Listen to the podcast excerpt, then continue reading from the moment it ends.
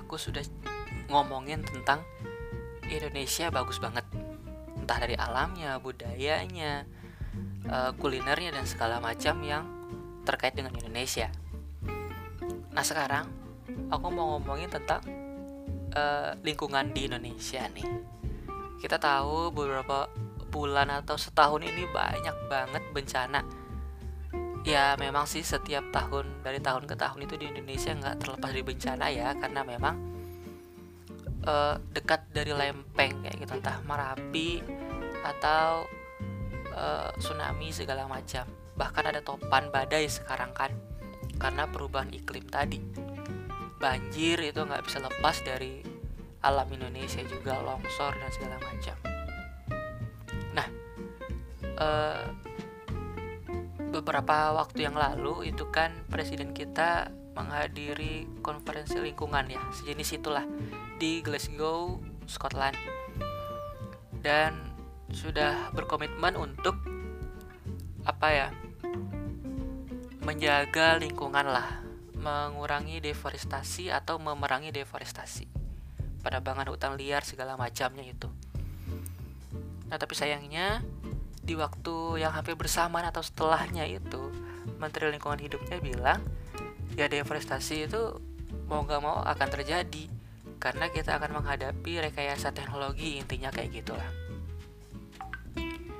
Makanya sekarang kita banyak ngelihat daerah-daerah di Indonesia itu nggak cuma di daerah barat ya bahkan daerah-daerah timur yang dulunya beberapa tahun yang lalu itu sangat terjaga kelestariannya, kebersihannya dan keindahan alamnya sekarang sudah mulai dirusak oleh karena masuknya pabrik-pabrik yang mengeluarkan atau membuang limbah-limbahnya ke alam.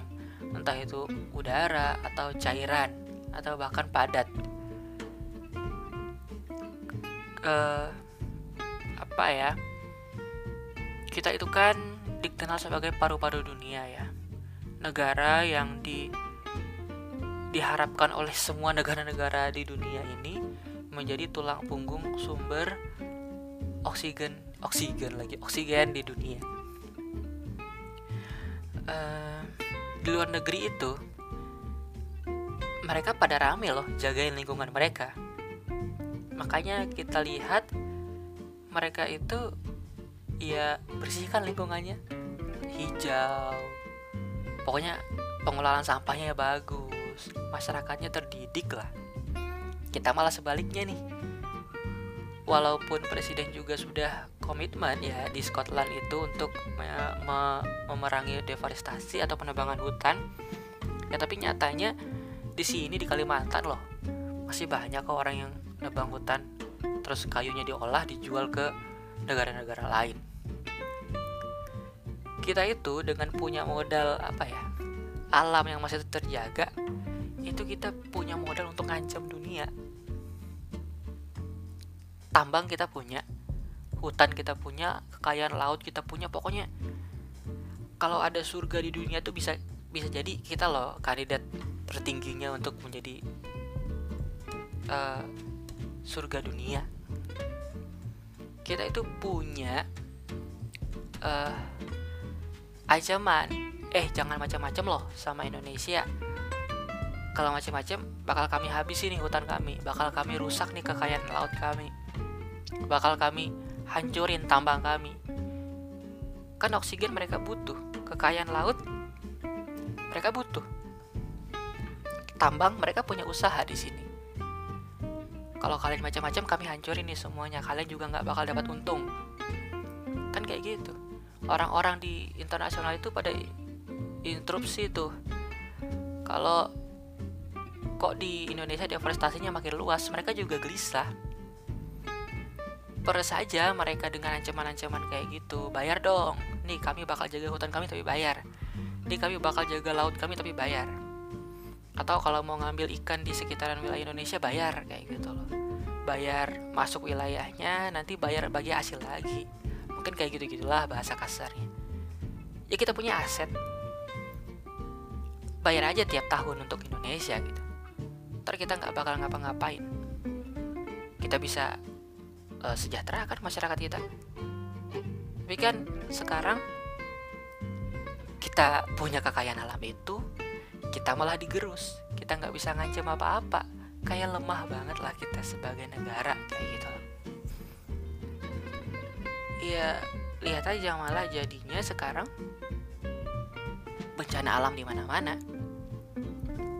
Kita yang sadar aja kalau apa ya uh, lingkungan itu sangat dibutuhkan malah kita yang ngerasain kayak gitu. Makanya peras aja mereka ancam aja orang luar negeri. Nih kalau kami hancurin semua kekayaan alam kami bakal ada bencana kayak gini gini gini loh. Bakal ada badai topan puting beliung.